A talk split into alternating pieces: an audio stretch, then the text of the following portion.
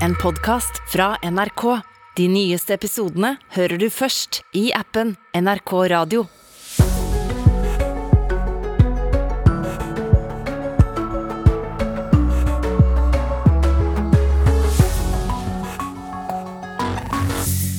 Morgen. Regjeringen må vurdere nye gasskraftverk i Norge. Det mener Fremskrittspartiet, og i løpet av formiddagen blir det hektisk møtevirksomhet for å forsøke å finne løsninger på noen av disse problemene som strømpriskrisen har skapt. Etter halvannet år med debatt og kompromisser i USA er Joe Bidens klima- og helsepakke nå vedtatt i Senatet. Og I Colombia er landets nye president innsatt, den første noensinne fra venstresiden. Vi lurer på hva han kan få til, og om noen minutter skal vi til Bogotá og snakke med en som var med på innsettelsen i natt.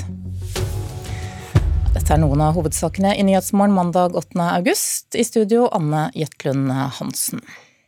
Regjeringen må vurdere nye gasskraftverk i Norge, det mener altså Fremskrittspartiet. Frp mener mer gasskraft kan bidra til å forhindre strømrasjonering i en presset kraftsituasjon. Nå må alle steiner snus, sier partileder Sylvi Listhaug. Så vi står i en situasjon der vi kan få strømrasjonering i energinasjonen Norge. Det vil være en skandale. Og vi må nå gjøre alt vi kan for å sikre at vi ikke kommer dit, og da må gasskraftverk også være en del av vurderinga.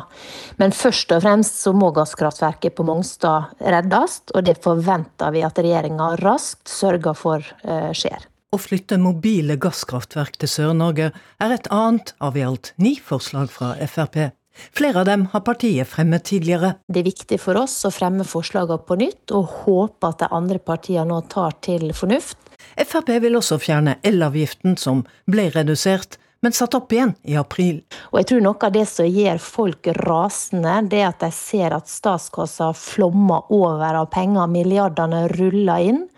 Mens vi opplever det at eh, lommebøkene våre blir tømt når vi skal betale strømregninga, når vi skal fylle tanken, og når vi går i matbutikkene. Og da må vi gjøre det vi kan, og elavgifta bør fjernes eh, raskt. Eh, Istedenfor, som regjeringa gjorde, satte den opp igjen. Forslagene blir lagt fram samme dag som presidentskapet i Stortinget møtes for å vurdere om sommerferien skal avbrytes med et hastemøte. For å ha et møte må vi ha en sak å behandle, sier Listhaug. Også regjeringen har vært ute i forkant av dagens strømmøter og varslet i går flere tiltak. Et av dem er å begrense strømeksporten når vannstanden er lav, ifølge finansminister Trygve Slagsvold Vedum. Det viktigste selvfølgelig for Senterpartiet og Ap i regjering er å sørge for at vi har trygghet rundt forsyning av strøm til den norske befolkningen. Reporter her det var Katrin Hellesnes. Og I tillegg til dette møtet i presidentskapet, der det altså skal avgjøres om Stortingets ferie skal avbrytes, så møter olje- og energiminister Terje Aasland aller først de parlamentariske lederne nå på morgenen. Det skjer om en drøy time, og etter det så skal Jonas Gahr Støre møte LO og NHO for å drøfte situasjonen for næringslivet. Kjetil Alstaheim, politisk redaktør i Aftenposten, velkommen til Nyhetsmorgen. Takk for det. Regjeringen og opposisjonen ser ut til å ha en slags kamp om å være mest på offensiven. Hva er det mest sannsynlig at de kan samles om?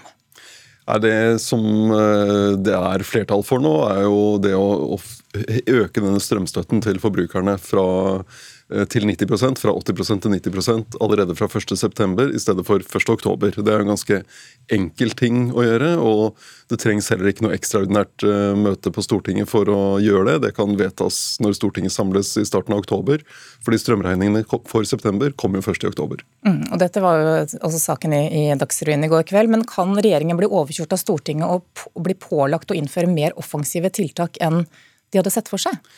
Det er jo, altså Hvis det blir et ekstraordinært uh, møte på Stortinget, så vil vi jo se at uh, det er ganske stort sprik uh, mellom partiene. uenighet om hva som skal gjøres. Der du har bl.a. Fremskrittspartiet sammen med Rødt og Kristelig Folkeparti som vil ha en makspris på strøm. Og så har du Høyre og Venstre som ikke vil ha en makspris. Så det, hva som det skulle bli flertall for, er jo ganske uklart. Strøm og strømstøtte har jo vært tema i månedsvis nå. I dag skal det være tre møter eh, før klokka blir tolv eh, omtrent. Eh, hvorfor haster det så mye akkurat nå? Vi har sett at situasjonen er blitt verre i løpet av sommeren. Det handler jo om, om været i, her til lands. At det går sakte å få fylt opp vannmagasinene. Og så handler det om situasjonen i Europa og gass, tilgangen på gass for våre europeiske naboland. Og dette handler jo i bunn og grunn da, i tillit til været, om krigen i Ukraina og hvordan Eh, den russiske presidenten Vladimir Putin bruker gass som et eh, pressmiddel mot Europa ved å holde igjen på gassen. Det påvirker eh, selvfølgelig mest direkte de landene som bruker mye russisk gass, ikke minst Tyskland, men det påvirker også Norge. Så dette er en anstrengt situasjon for EU-landene. Også for Storbritannia og for Norge, og det handler om det presset som Putin ønsker å legge på Europa, og for å skape splittelse i Europa og redusere viljen til å støtte Ukraina. Mm. Hvis vi ser på situasjonen her hjemme, da, I går så ble det altså avklart at eh, strømstøtten økes for forbrukerne fra 1.9. Men strømstøtten til næringslivet derimot er ennå ikke avklart. Hvorfor er det så vanskelig å få dette på plass? Det er veldig vanskelig å finne ut hvem er det som skal få. Eh, og så er det jo sånn, De som investerer i næringslivet, de, de henter jo gevinster når de tjener penger. Og I deler av landet så er jo strømprisen nå veldig lav. Altså Hvis du er i Trondheim eller nordover, så betaler du kanskje to øre for kilowatten. Det er jo ikke sånn at staten da kommer og skal ha noe ekstra av gevinsten fordi du har fått billig strøm. Eh, og så det jo, ligger det jo det å være privat næringsdrivende at du har en risiko. Hvis kostnader øker, så reduseres overskuddet ditt. Og så er det lett å ha sympati med f.eks. en baker Eh, men det er ikke så lett å ha sympati med en som bruker masse strøm i et eh, datasenter til å utvinne bitcoin og annen kryptovaluta. Så Spørsmålet er hvem er det de vil gi støtte i så fall, og hvordan skal de unngå at støtten bare bidrar til at de bruker mer strøm, og at du forverrer krisen på den måten. Men hva er det Støre må ha med seg da inn i dette møtet med LO og NHO for, å, for at noen skal bli fornøyde? Jeg, jeg tror eh, I det møtet med LO og NHO så handler det nok for regjeringen om å få innspill fra, fra partene i arbeidslivet, eh, og hva de kommer med. Eh, og, og, der så vi jo i, Vi kan trekke en parallell tilbake til pandemien her og pandemihåndteringen. Der du fikk et kappløp på Stortinget, og med da pådriv fra NHO og LO i hvert fall NHO, for å liksom bedre, stadig bedre støtteordningene. Og noen av de støtteordningene ble jo altfor gunstige, særlig den som skatt, oljeskattepakken som eh, ble vedtatt på Stortinget. Så det er jo noe å lære av den, eh, den runden for partiene på Stortinget nå. Mm. Hvordan påvirker hele situasjonen Støres posisjon både i egne rekker? Vi ser jo det har vært et eh, slags opprør blant ordførere, iallfall en del kritikk, både fra Arbeiderparti-ordførere og fra Senterparti-ordførere. Så både som regjeringssjef og som partileder nå? Nei, Det er en veldig vanskelig situasjon. Er, uh, han har jo folk i e sitt eget parti, men så har han jo også Senterpartiet, der det er uh, veldig sterkt press internt for at uh, Senterpartiet skal gå inn for tøffere tiltak for å få ned prisene. Så det er, det er, tøft på alle vis. I tillegg til at det er, det er jo en genuint vanskelig situasjon i, i kraftmarkedet i Europa. Og det handler om en krig som ikke ser ut til å ta slutt med det første. Takk skal du ha, Kjetil Alstaheim, eh, politisk redaktør i Aftenposten. Og før dagens politiske møtestafett så kommer nettopp statsminister Støre hit til Nyhetsmorgen. Vi hører eh, hvordan han vil løse strømkrisa i Dagsnytt 7.30, og deretter i Politisk kvarter. Håvard Grønli. Ja, hvorfor har det tatt så lang tid å komme opp med løsninger? Kommer bedriftene til å få hjelp, som dere snakka om her? Og kommer nå egentlig regjeringa til å begrense strømeksporten i særlig grad? Det er tre av ca. 1000 spørsmål jeg har på blokka. Får sikkert ikke stilt alle 1000, men en del får vi tid til på et kvarter. I Politisk kvarter altså 7.45, og så kommer altså statsminister Jonas Gahr Støre aller først til Dagsnytt 7.30 om ca. Eh, ja, lite kvarter.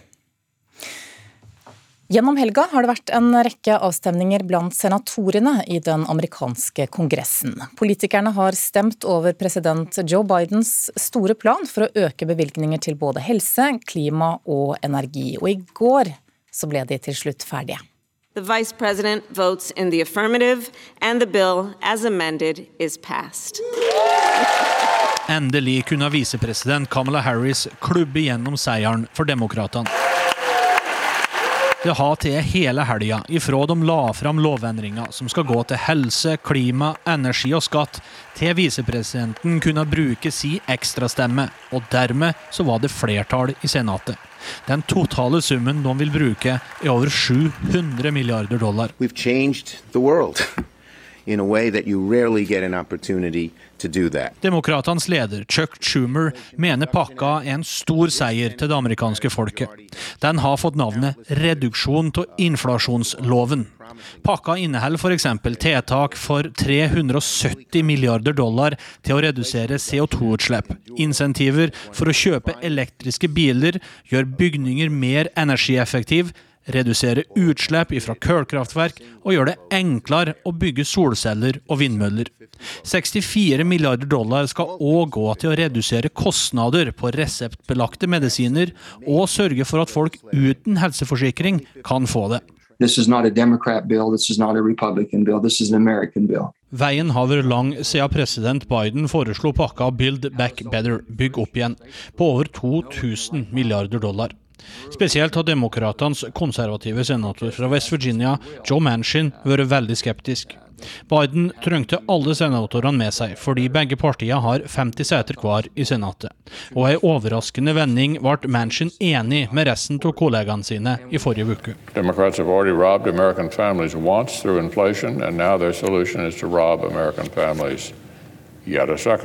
alle republikanerne i Senatet stemte imot, og dommers leder Mitch McConnell er veldig kritisk til pengebruken, som han mener heller bensin på bålet og vil sørge for å øke inflasjonen i landet, som er på over 9% i dag.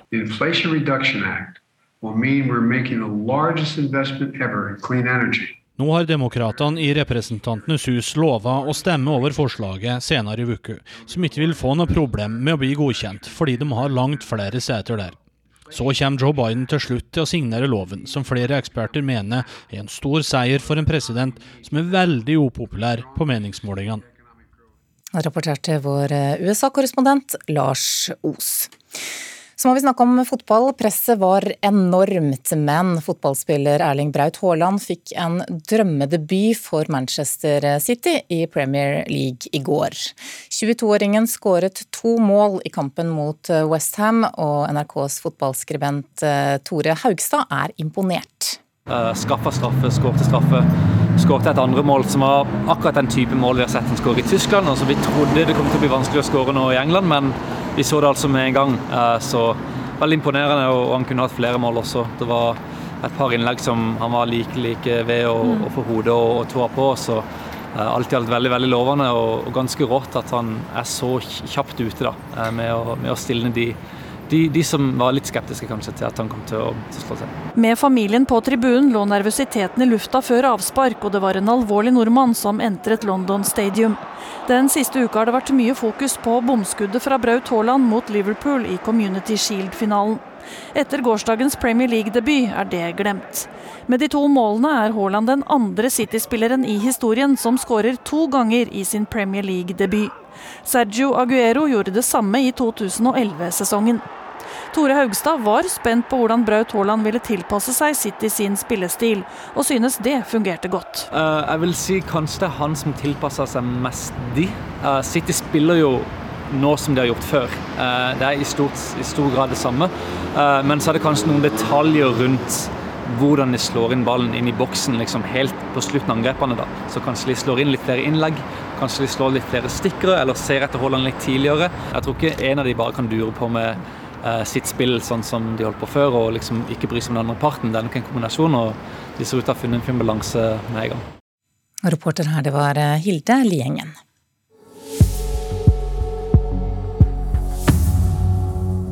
Klokka er 17 minutter over sju. Dette er Nyhetsmorgen i NRK. Det kommer noen meldinger om at to nye skip med korn er på vei fra Ukraina.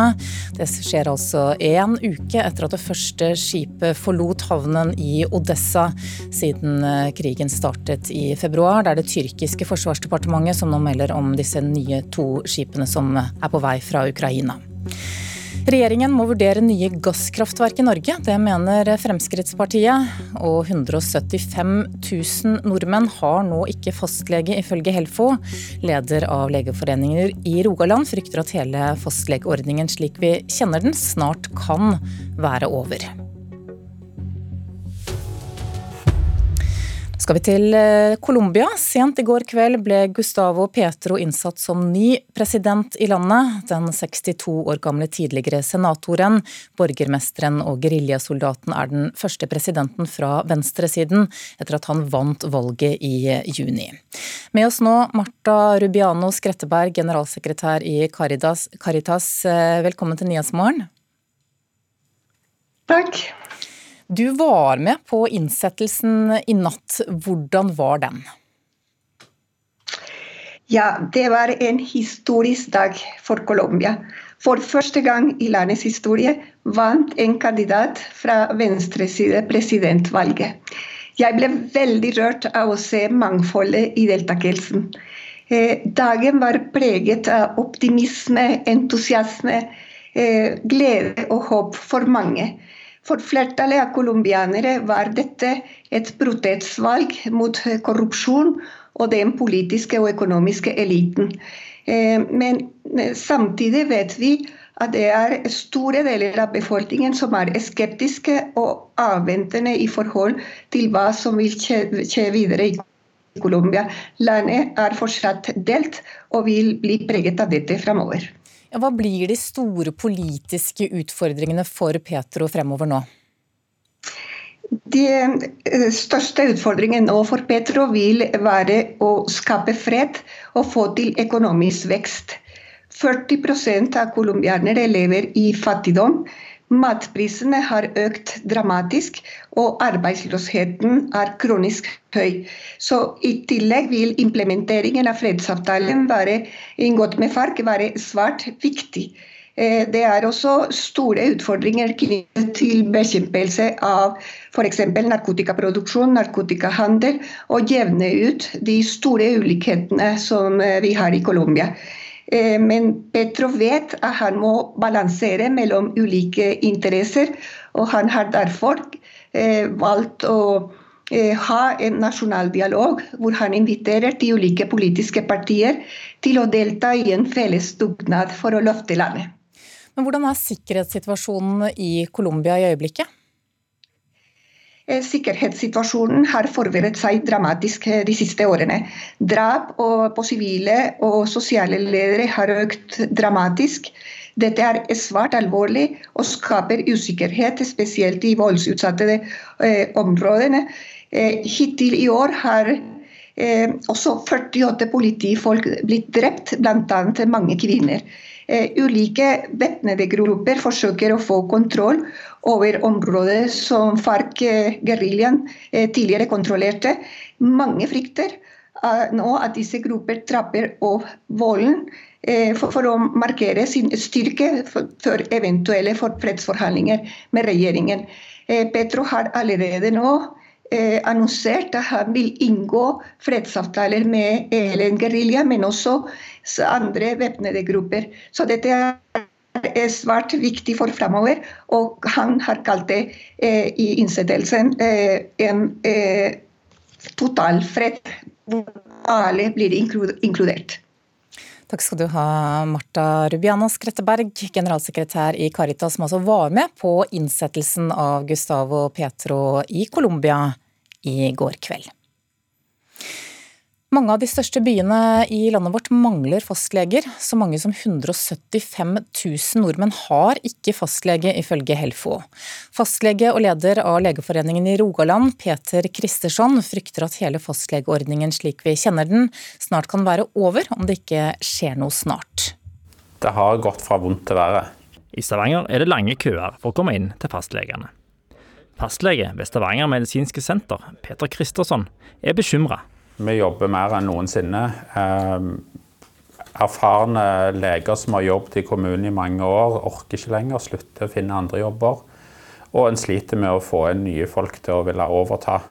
Flere av de største byene i Norge står uten fastleger med ledig plass.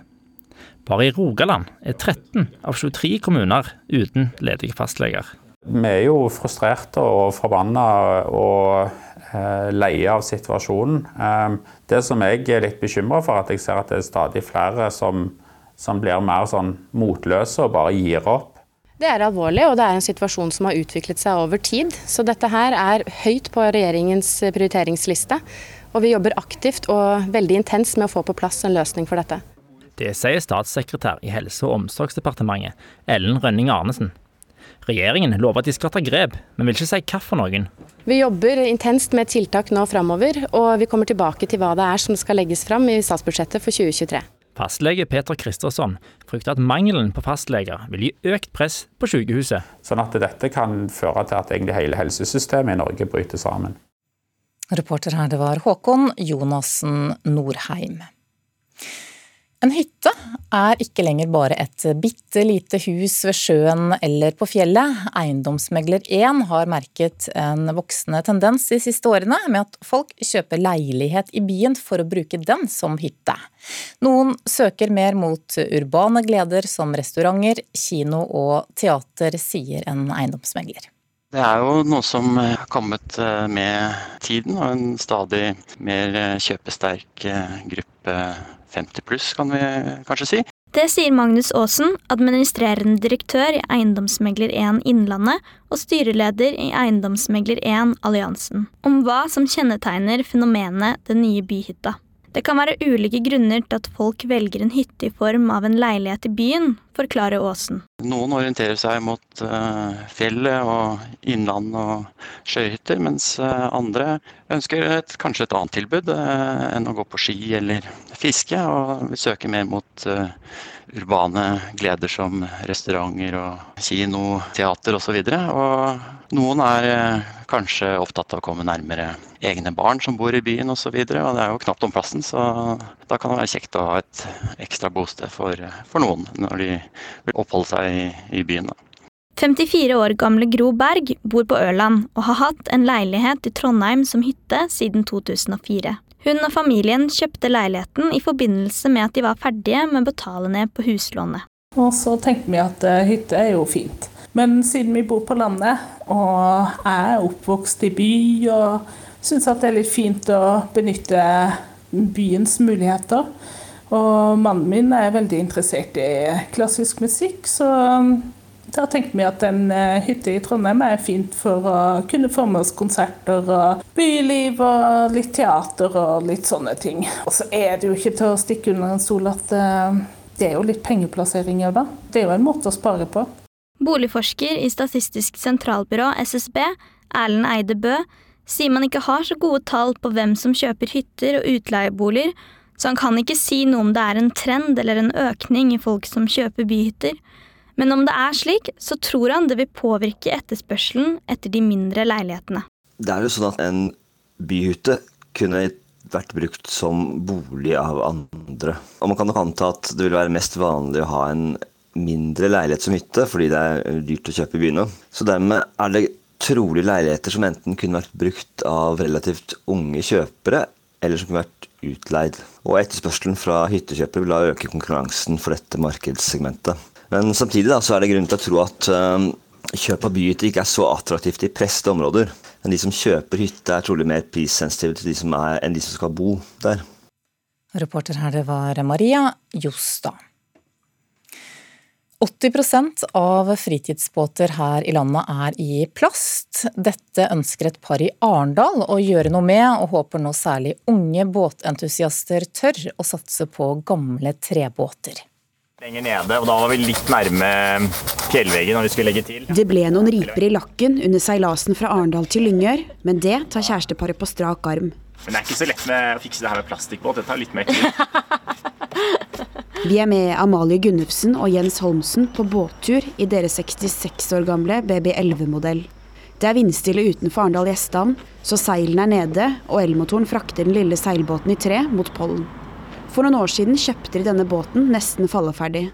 Ca. 70 arbeidstimer senere og mye puss og lakk er det nå en god følgesvenn gjennom sørlandsferien i Arendal. Men det blir også litt ensomt, for i trebåtmiljøet er det få unge. Nei, det er, det er, noen selvfølgelig som er unge, men de fleste er, som har interesse for det, er eh, eldre menn. Så det hadde vært veldig hyggelig hvis det var litt flere unge som ønsket å, å bli med. Rundt 80% av norske fritidsbåter er i plast, ifølge den siste båtlivsundersøkelsen fra 2018. Men paret mener det er mange gevinster med å velge tre. Det er jo gjerne et billigere alternativ til, til plastikkbåten. Og på Finn, hvis man går der, så er det masse røverkjøp man kan uh, gjøre. Det er mye som gis bort, og mange som har gitt opp uh, noen drømmer. eh, og vi vet jo at plastikkbåter, spesielt de som ikke blir levert inn, eh, og ja, egentlig bare blir sunket eller brent, er veldig miljøskadelige. Men paret tror tanken på at det er mer jobb å vedlikeholde en trebåt, kanskje skremmer bort mange. Det er det første folk sier egentlig når vi seiler, at oi, det var en fin båt, det må være mye jobb. Men det er jo egentlig ikke det. Ja, nå sitter vi jo i en 66 år gammel eh, trebåt som eh, egentlig aldri har vært finere. Og vi vet jo at en del trebåter kan leve ganske mye lenger enn plastikkbåter. Så hvis man skal tenke på sirkulærøkonomi og på gjenbruk, så er jo dette her et veldig gøy og godt eh, alternativ til plastikkbåten. Skuta kjører mot land igjen. Norgesflagget bak båten står fortsatt i fred for vinden.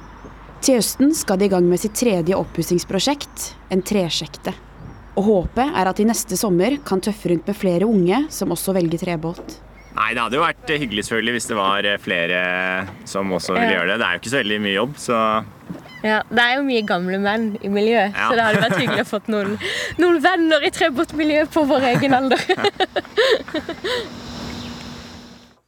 Reporter med på båttur, det var Victoria Marie Nordahl. Strøm har vært den eh, store temaet her i Nyhetsmorgen den siste halvtimen. Vi har bl.a. snakket om dagens politiske møtestafett om strømpriskrisen. Allerede om en time har regjeringen innkalt de parlamentariske lederne til et møte, men allerede, allerede nå så er statsminister Jonas Gahr Støre på plass her i studio for å være med i 7.30 sammen med programleder Tone Nordahl.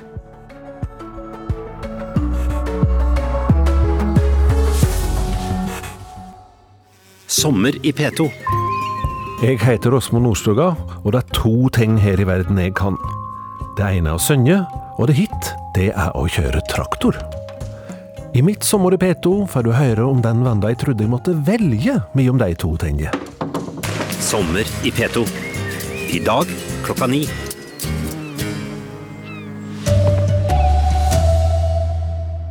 Partiet mener Norge må satse mer på gasskraft. Vi spør statsministeren om det er en god idé. Senatet i USA har vedtatt en omfattende klima- og helsepakke. Og flere og flere nordmenn vil ha hytte i byen. God morgen, dette er saker det blir mer om i Dagsnytt. Klokka er 7.30. Ja, først altså, regjeringen må vurdere nye gasskraftverk, mener Fremskrittspartiet. Partiet mener mer gasskraft kan bidra til å forhindre strømrasjonering i en presset kraftsituasjon. Nå må alle steiner snus, sier Sylvi Listhaug.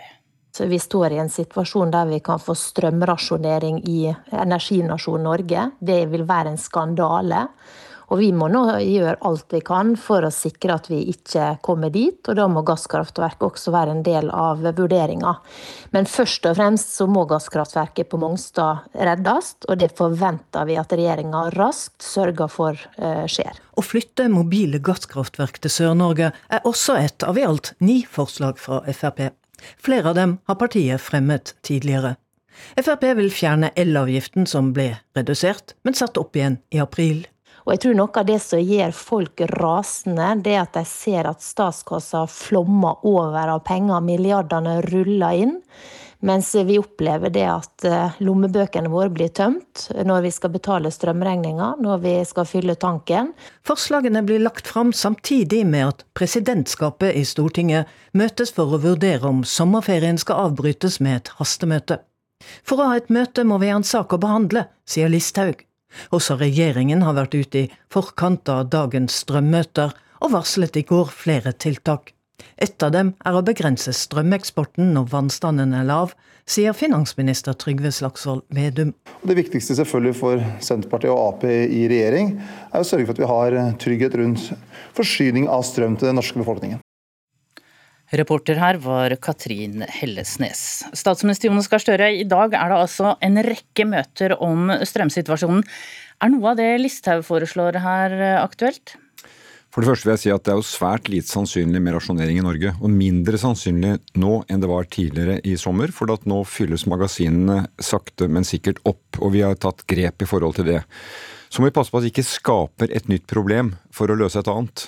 Vi skal ha ned utslippene av CO2 i Norge. Det er en stor og viktig oppgave som ikke blir borte pga. den energisituasjonen vi står i. Så jeg mener vi skal klare å håndtere energisituasjonen i Norge uten å begynne å bygge gasskraftverk. Og så til dette med strømstøtte. Mange bedrifter har fått kjempehøye strømregninger, og flere frykter konkurs. Når kommer det en løsning for dem? Til vanlig i Norge så har bedriftene ansvar selv for å vurdere kostnader som går opp og ned på det de bruker. Eh, og Det må være hovedprinsippet. Så har noen blitt rammet spesielt hardt her og er i en vanskelig situasjon, og det har vi lyttet til. Og I dag skal jeg møte LO og NHO, som jo har et veldig godt nettverk til å lytte til hva som skjer ute i landet. Men her må vi passe på at vi gjør ting på riktig måte. Det er forskjellig å støtte husholdningene, familiene med strømstøtte som går rett inn i familieøkonomien, eh, og det å åpne for pengebruk ut i næringslivet. Men vi ønsker å finne en løsning for de som er i den vanskeligste situasjonen, og vi vil gjerne gjøre det i samarbeid med partene. Det er god norsk tradisjon. Men mange er utålmodige. Når kan de vente seg at det kommer noe? Ja, Vi må bruke den tiden som trengs for å finne en god løsning, og vi jobber med det nå. Skal legge det frem når vi er trygge på at vi har en god løsning. Strømstøtten til husholdningene virker. Den kommer til å være 90% over disse 70 ørene fra 1.9. Det er regjeringens eh, forslag. Eh, vi har satt i gang tiltak for å sikre magasinfyllingen i Norge. Forsyningssikkerheten, det virker virker. Og vi lanserer nå en ordning som sikrer at hvis uh, altså fyllingen i vannmagasinene blir for lav, så bremser vi og reduserer eksporten av kraft ut av Norge. Så vi trygger nå forsyningssikkerheten i Norge. Men når det gjelder den økte strømstøtten til husholdningene eh, vi har økte strømpriser, vi har økte matvarepriser, renta går opp. Det blir en tøff vinter for mange. Gjør dere nok? Det er veldig viktig å si at dette kommer til å vare. Og det kommer til å bli tøft for mange, for det er krig i Europa. Det er jo utgangspunktet for dette. Russisk gass uteblir. Det er en enorm katastrofe at det er krig eh, i Ukraina. Men det får sidevirkninger også til oss. Vi gjør det vi kan for å avhjelpe situasjonen. Det er ikke noe land som har en mer omfattende strømstøtteordning enn den vi har. Eh, og så har vi nå nær kontakt med partene for å se i forhold til næringslivet. Men la oss huske at det går bra i norsk økonomi. Vi har veldig lav arbeidsledighet. Bedriftene klarer seg gjennomgående veldig godt. Men de som nå, særlig i sør, blir rammet av høye priser, skal vi se om det er mulig å finne ordninger for. Takk, statsminister Jonas Gahr Støre. Du blir med også i Politisk kvarter på P2 om noen minutter. Så til USA. Der er en omfattende klima- og helsepakke vedtatt i Senatet.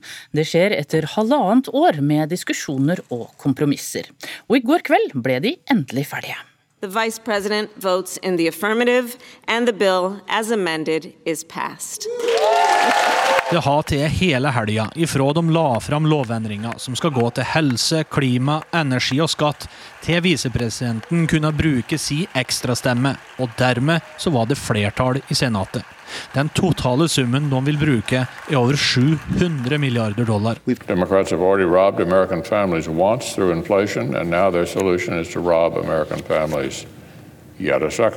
Alle republikanerne i Senatet stemte imot, og dommers leder Mitch McConnell er veldig kritisk til pengebruken, som han mener heller bensin på bålet og vil sørge for å øke inflasjonen i landet, som er på over 9 i dag.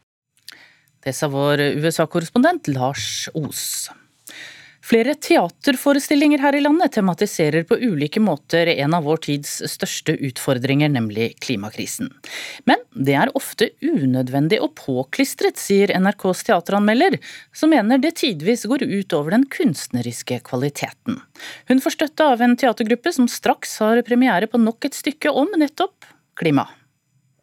Så Er det bra at vi sitter, eh, blir det lenge sittende nede der? Teatergrupper som kaller seg Feil teater, står på et scenegulv og diskuterer stykket de øver på. Om halvannen uke har de premiere på forestillingen 'Dyrene i Afrika', basert på en litt tullete og satirisk roman skrevet av Erlend Lo. Om klimakrisa. Sebastian Myers er skuespiller og produsent for forestillingen. Det som har vært målet vårt med forestillinga, er å, å ta opp klimakrisen på en litt frisk og annerledes måte. Eh, for vi opplever at mye klimakunst tenderer mot å være ganske moraliserende. Og vi tenker at det kanskje ikke alltid er den beste måten å eh, engasjere publikum på. Han får støtte fra NRKs teateranmelder Karen Frøsland Nystøyl. Så er det veldig lett å putte på miljø og miljøvern og klimatematikk, men det er ikke alltid det funker så bra kunstnerisk. Og så syns jeg det er litt sånn lettvint å gjøre. Ta noe som er i tida. Abigail Winsvold er ikke så veldig begeistra for denne argumentasjonen. Hun er medlem av ei gruppe som kaller seg for Acting for Climate, som kun setter opp forestillinger med klima som tema. I det samfunnet vi lever i i dag, hvor klimakrisen er veldig prekær, det er store endringer vi står overfor, så jo flere som tar opp klima og miljø i sine forestillingsprosjekter, jo bedre. Jeg bare lurte på om vi kunne prøve at Tilbake i teatersalen, der teater og ikke nødvendigvis klima står øverst på agendaen. Jeg tror det er litt fåfengt å tenke at teater alene skal løse klimakrisen. Reporter her var Christian Ingebretsen. En hytte er ikke lenger bare et bitte lite hus ved sjøen eller på fjellet.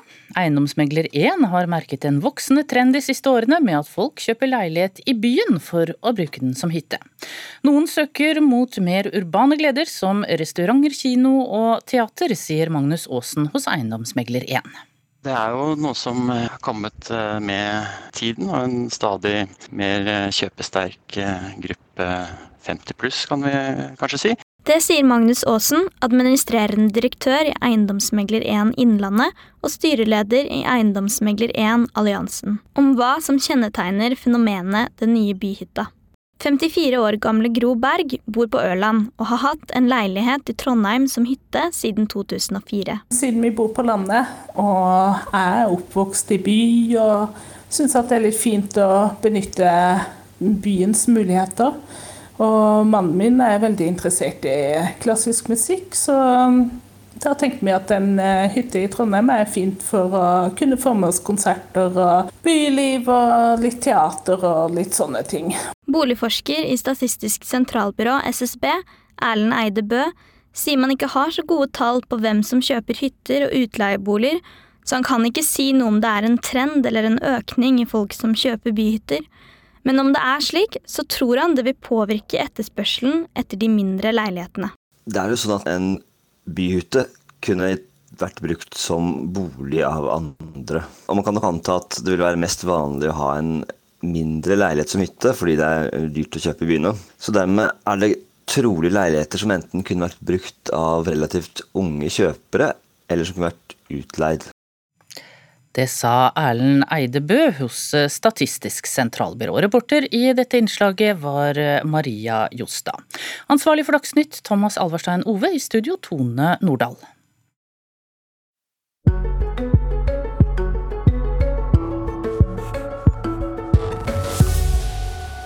Klokka er 7.40 nå, dette er Nyhetsmorgen i NRK. I Nordreisa i Troms jobber ildsjeler for å få liv i den gamle tjærebrennetradisjonen som særlig kvenene drev med. For andre år på rad har Asgeir Bliksgård og Geir Thomas Jord bygd og brent tjæremile. Forrige mandag startet arbeidet med å gjøre milen klar for tenning. Nå er det like før vi kan tenne mila, så det er bare siste pinnene som skal legges på plass. Det er klart for neste skritt. De to ildsjelene Asgeir og Geir har lagt ned mye arbeid i dette. Selve stablinga det er jo forholdsvis lite av mile, så vi har kanskje brukt en ti timer på, på selve stablinga. To stykker. Jobben med mila starta under kvenfestivalen Baskevikko i juni. Den gang fikk skoleelever være med for å lære om den gamle tradisjonen blant kvenene i Nordreisa. Um, Skjæramila brukes til at um, man kan smøre det, altså sånn beise over båten, så at det ikke kommer vann inn når man er ute på Sammen med elvebåter. Også med, akkurat som med de tre skia fra gamle dager. Så dere har lært litt, altså? Ja. En bit never, så fordel dem på åtte plasser rundt hele. Også nå er noen av elevene dukka opp. Hva du gjør for noe nå? Vi lager sånne små bål som skal gjøre at det her tar fyr. I juni ble tappestokken der tjæra skal komme ut, lagt ned i bakken. Nå skal mila fullføres. Nå må vi jo legge torva på klar oppå toppen. Og så eh, tenner vi bål rundt. Ca. åtte til ti bål. Får god fyr i dem, og så dytter vi det inn i milefoten. Og så venter vi til mila tar ordentlig fyr før vi ruller ned torva. Det fyres opp. Tjæremila skaper nysgjerrighet, for mange i Nordreisa har vært borti dette før. Blant dem er Nina Bredesen og Else Reiersen Gisvold. Fem år var jeg da var første mila og så. Og det husker jeg at det lukta, og så husker jeg det var mørkt. Og så var det av og til at det kom litt varme opp gjennom mila. Det går sikkert bra, men det skal bli artig å se. Vi kommer til å følge med. Ja, ja. Og så være på den sida og se når kjerren kommer ut. Ja, det er spennende. Ja. Om det blir kjerre. Eller om det blir for varmt, for det er jo det som er det spennende. Om de får til å holde det jevn temperatur. Leder for Halti kvenkultursenter, Anie Blomli, har bare sett restene av en gammel tjæremile. Så nå har vi fått lov til å være med på hele prosessen. Jeg har fått vært med litt å stable i dag, har jeg. Og så nå er jeg veldig spent på denne brenneprosessen. Det er jo en kvensk tradisjon. Eh, og det tenker jeg er en del av denne synliggjøringa av de kvenske tradisjonene som vi kanskje har vokst opp med uten å tenke over det. Skal vi prøve å se? Mile har brent et par timer. Geir og Asgeir har hatt det travelt i røyken med å hindre flammer å brenne åpent. Det ser ut som det kommer litt kjerre i lag med. Det lukter. Da må vi være på rett vei. Ja, Hvor mye håper dere å få ut av det? da? Det hadde jo vært artig om vi fikk en 100 liter, kanskje. For nå er det jo blitt stort behov for tjære, bl.a. til de her kirkene sørpå. Stavkirken, ja. Jeg lurer på om det var et uh, underskudd på ca. 10 000 liter til stavkirken, så Det er jo litt lite med 80 liter, men uh, det er nå en begynnelse i hvert fall. Og morsomt å se at det fungerer. Og etter litt mer venting kan Geir slå fast. Ja, nei, men Da uh, erklærer vi det her for uh, Nå er det rein kjerre som kommer ut her. Det her godkjenner vi som sorte gull. Vi er kjempefornøyd. Nå går mila bra, og den uh, brenner jevnt over det hele, og nå, nå renner det. Men jobben er ikke riktig over. Ja, nei, nå må vi ta oss og passe mila. Røkte den så den ikke begynner å brenne ned. Så må jo en sitte her nede og passe på at når tennene blir fulle, så må vi bytte. Nei, det blir, det blir spennende. Lang kveld og, og lang natt. Reporter her, det var Laila Lanes, og du hørte også skoleelevene Elias Knutsen, Martin Vigde Nordberg og Ole André Jensen.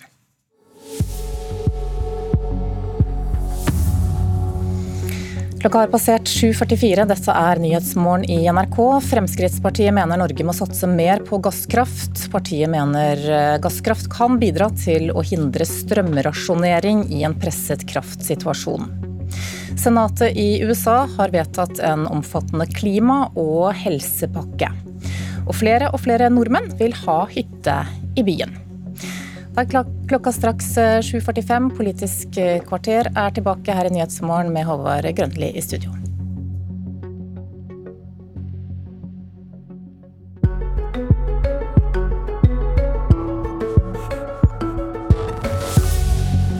Strømprisene sprenger alt vi har sett for oss.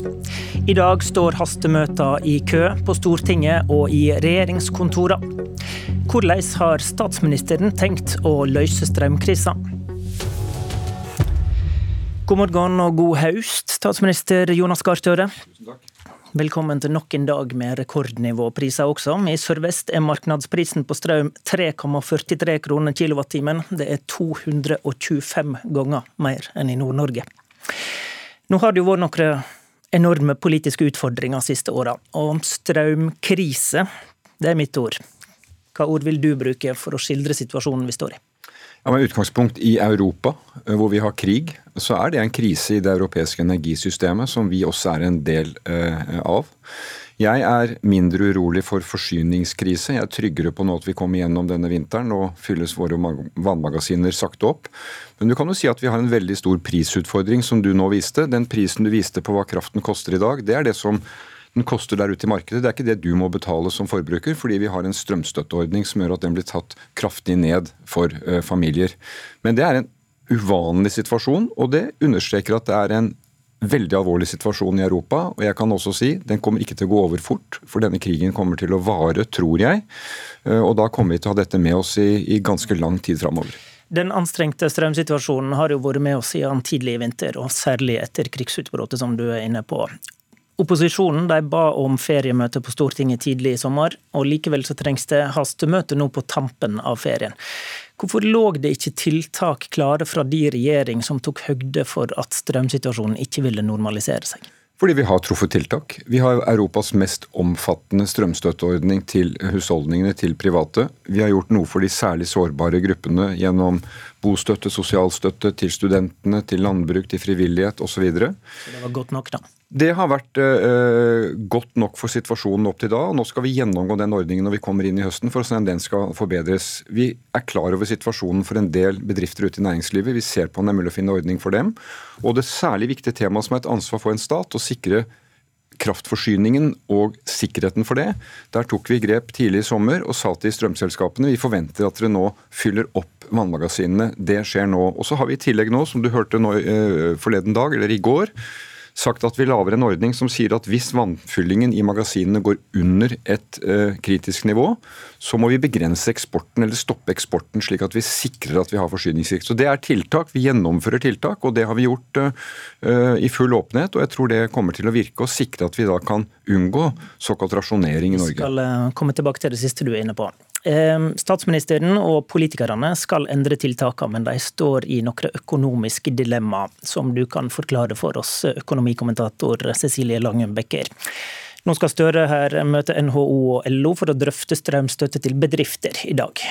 Hva kan være problematisk med å gjøre det? Jeg tror Bakteppet her som kanskje gjør det litt ekstra krevende, det er jo at eh, vi må ikke glemme at det koker i norsk økonomi. Det går veldig bra i norsk næringsliv. Eh, det er nesten umulig å få tak i eh, arbeidskraft. Og det å gi strømstøtte nå til bedriftene, om det er små, mellomstore, store eller hvilken som helst innretning man kommer på, så vil det bidra til å holde presset oppe i norsk økonomi. Det er ikke sikkert at det er statens måte, rolle å bære den kostnaden. Når man driver en bedrift, så skal man ta risikoen både for økte kostnader mot at man får overskuddet tilbake også når det da er gode tider. Så reiser det en del interessante spørsmål. Mm. Hadde dette vært på bordet dersom vi ikke er vant til å få støtte, sånn som vi har gjort gjennom pandemien? Nettopp. Og hva med alle bedriftene som har tilpasset seg, eh, startet med fornybar energi, drevet energieffektivisering? Eh, skal staten premiere de som kanskje har sovet i timen? Sånn at det er en del sånne spørsmål som, eh, som man burde ta med seg inn i hvert fall i den diskusjonen. Og Noen økonomer var ute bl.a. i går og advarer mot enda kraftigere ytterligere renteauke hvis bedriftene får strømstøtte. Kan du forklare den sammenhengen der? Altså, man, hvis man bestemmer seg for å gi bedriftene strømstøtte på den ene eller på den andre siden, så, så bidrar det til å holde etterspørselen i økonomien oppe, og den er allerede eh, høy. Det bidrar jo til prispress, eh, høyere priser, altså inflasjon.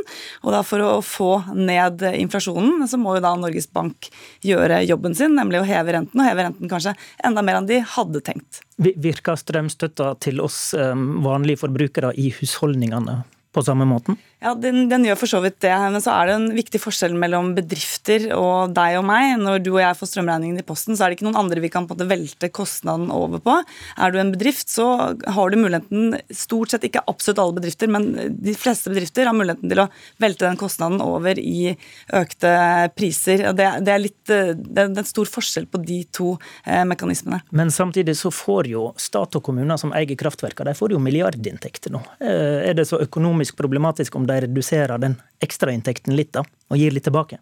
Ja, men vi, vi, bidrar da til å holde eh, etterspørselen høy. Man lar være å inndra uh, kjøpekraften uh, også hos bedriftene. Så det er akkurat det samme som skjer. Selv om vi nå får inn økte inntekter i statskassen, så betyr det at dersom man bare pøser de inn igjen i økonomien, så bidrar det til å holde presset i økonomien høy, og dermed også eh, inflasjonen, altså prisveksten, høy. Takk for dilemmaene, Cecilie Langen. Statsminister Støre, du har sagt at regjeringa vurderer tiltak for bedrifter. Vil du love at det kommer en eller annen form for strømtiltak til næringslivet? Ja, Det er vårt mål at uh, noen av de bedriftene som nå har vært uh, mest utsatt i prisområder hvor prisene har skutt i været, og som det var veldig vanskelig å forutse på forhånd, at vi skal finne ordninger for dem. Men alle dilemmaene som Langen Becker peker på er reelle. De vurderer vi også. Jeg bestrider ikke noen av dem. Og det er klart det er veldig, noe veldig annet å komme husholdningene til unnsetning, som hun forklarer, enn inn i et næringsliv hvor bedriftene normalt har ansvaret for å gjøre de vurderingene. Men derfor er det vi bruker denne metoden, for å si det sånn, at vi sitter oss ned med partene, de som organiserer bedrifter og arbeidstakere, lytter til dem. Jeg tror de både er vare for at de har bedrifter som er i en veldig utsatt situasjon. Hvordan kan vi se se deres retning, og i retning av norsk økonomi, som nå går veldig bra, høy temperatur. Men, men, men gitt disse dilemmaene, da, bør vi faktisk tåle at noen bedrifter går konkurs? Nå er jo konkursene i Norge veldig lave. De var lave under pandemien. Eh, de er også lave nå fordi det går veldig bra i norsk økonomi. At det går noen bedrifter konkurs i en økonomi som vår, det skal vi leve med. Det må vi på grunn av strømprisen? Ja, det tror vi også må tåle å leve med at det skjer noen steder. Men, men det er jo også uh, eksempler her på situasjoner som oppstår som jeg mener vi skal se om vi kan komme til unnsetning og finne støtteordninger. Og, og, og dere snakker om bedrifter som er særlig utsatt. Du, du nevner det for så vidt nå. Men hva, hva for noen er det, da? Altså, vi har jo sett i mediene de siste eksempler eksempelet på, på, på, bakeren eller slakteren eller vaskeriet som har strøm som en viktig del av sine, sine utgifter, og så plutselig har fått mangedobling av det, som kommer da i en veldig vanskelig situasjon, fordi marginen ikke nødvendigvis dekker det. Det er ikke nødvendigvis heller kunder du bare kan velte det over på, som økonomen sier. Så, så du vil prøve å sikte på deg, da? Nei, det er det vi må se om det er mulig å gjøre. Og så er det jo også viktig, som det blir sagt her, at veldig mange bedrifter har jo da tegnet fastpriskontrakter over lengre tid, tatt den forsikringen. Det gjelder jo også det du og jeg kan gjøre med renter, binde renta. Eh, og det er viktig å ikke straffe dem som har tatt den beslutningen, ved at man da sier at alle som ikke gjorde det, de får nå eh, en type støtte. Men nå jobber jo regjeringen med og har lagt fram et forslag til at flere, både private og bedrifter, kan tegne sånne fastpriskontrakter. Da må vi endre litt på skattesystemet, og det har vi ute på høring, og det skal vi kunne gjøre ganske raskt. Men, men det er jo et langsiktig løp. Kommer det nok mer kortsiktige tiltak for bedrifter som sliter? Vi skal ikke bruke lengre tid enn nødvendig, men jeg tror vi har fått illustrert nå at dette er en komplisert og sammensatt sak. Derfor er det klokt å sette seg ned, lytte til partene. Vi har et statsbudsjett som kommer i begynnelsen av eh, oktober. Det er et naturlig sted, men kommer vi opp med en god ordning før det, så vil vi gå ut med det før det. Men du mener egentlig prinsipielt da, høres det ut som at en ikke bør hjelpe næringslivet med slike utgifter? Altså I utgangspunktet mener jeg det bør være sånn, men nå er vi tilbake til der hvor denne sendingen startet. Vi er i en ekstraordinær krisesituasjon i Europa. Vi har truffet av noe vi ikke har sett før. Og Det gjør at vi må gå gjennom ordningen i vårt samfunn for å se hvordan kan vi spille på lag og medvirke til at ikke arbeidsplasser går tapt og verdiskapning går tapt eh, der hvor det treffes eh, særlig hardt. Og Det er jo nå i deler av Sør-Norge hvor vi har dette prisområdet som påvirkes. La meg bare minne om det, for vi snakker gjennom en hel sending uten å komme tilbake til kjernen, krigen i Ukraina. Altså I Europa så utgjør russisk gass for energiforsyningen en tredjedel omtrent. Uh, og nå kuttes den kraftig, kraftig ned. Altså Det blir energimangel i Europa. Det slår inn hos oss. Vi kommer til å kunne motvirke at vi får energimangel, men prisene blir høye. Uh, nå hadde vi altså, I forrige uke hadde vi import til Sør-Norge av kraft. Og den eksporten vi normalt har hatt, den har falt kraftig i løpet av det siste året. Så det er store endringer i dette energisystemet som vi må som vi må planlegge for, for dette kan komme til å vare. Ja, Betyr det at vi, du mener vi har et ansvar for å levere strøm til et Europa i krise? For det første leverer vi gass, som er veldig viktig. Det er jo det de er aller mest opptatt av. Det er jo det som virkelig monner i den europeiske gassforsyningen. Og, og når det gjelder akkurat strømdiskusjonen, så er jo utenlandskablene ja, og vannkrafta ja. det mest omdiskuterte. Jo. Mener du vi det inngår i dette bildet for deg, da, at vi skal bidra til forsyningssikkerhet også i Europa med Dette vår vannkraft? Dette er et uh, ta og gi-situasjon hvor vi får forsyningssikkerhet når vi kan importere kraft fra Europa, som vi gjorde i forrige uke. Kan komme til å måtte gjøre til høsten fordi vi har hatt tørre år i Norge. Men det er jo det vi sa klart fra i går, at hvis våre vannkraftmagasiner, de store magasinene, går under et nivå som vi mener er kritisk, da må vi begrense eksporten. Det må alle land gjøre, ha ansvar for å gjøre den type ting. Det er vi som har vannkraft. I Tyskland så sparer de nå på gassen.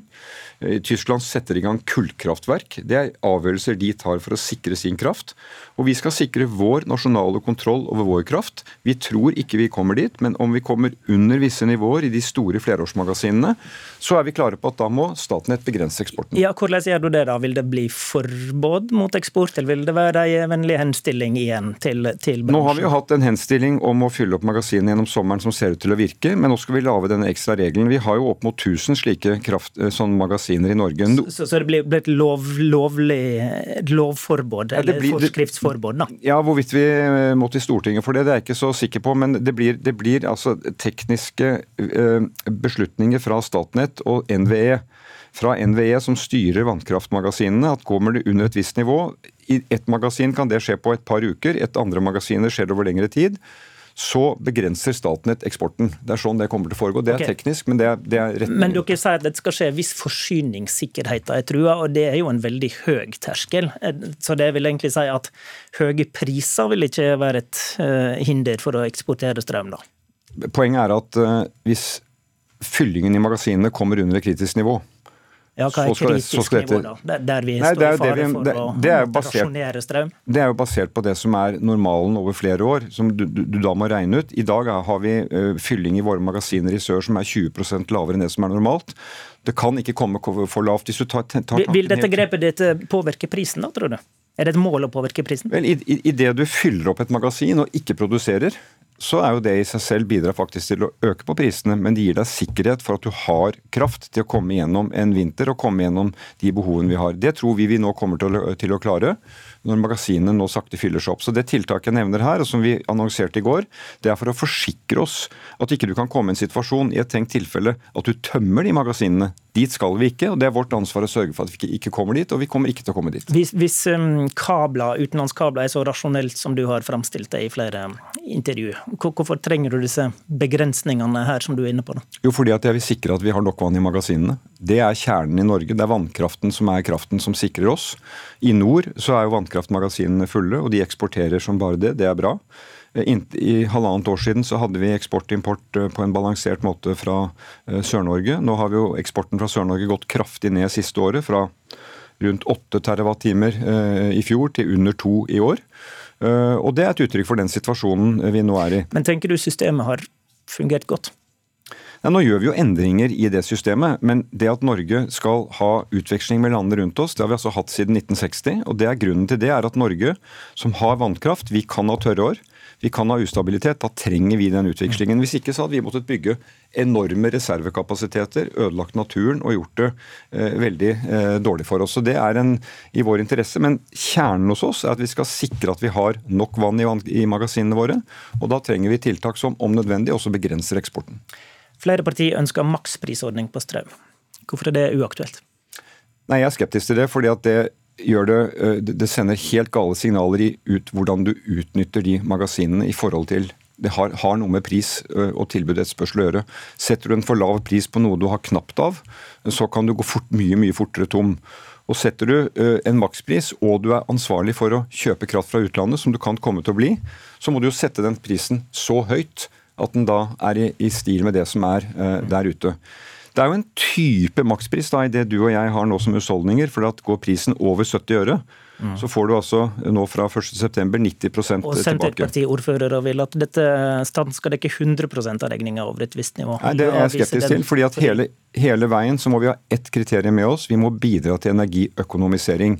Vi skal ha mer satsing på solkraft, vi skal utvikle vindkraft, vi skal ha en kjempesatsing på havvind. Alle de tiltakene vi snakker om nå, det er å håndtere en ekstremsituasjon. Men på lang sikt så er svaret å produsere mer kraft. og Derfor så er regjeringens planer for mer havvind, fortgang i behandling av søknader på landvind, solkraft, utnytte vannkraften vår bedre, det er det avgjørende svaret på at vi har god kraftforsyning i årene som kommer. og Det tror jeg vi skal klare. Takk for at du kom, statsminister Jonas Gahr Støre. Møtestafetten om strømkrisa kan du få med deg ved å følge NRK Nyheter sine sendinger. Programleder i Politisk kvarter, Håvard Grønli. Du har hørt en podkast fra NRK. De nyeste episodene hører du først i appen NRK Radio.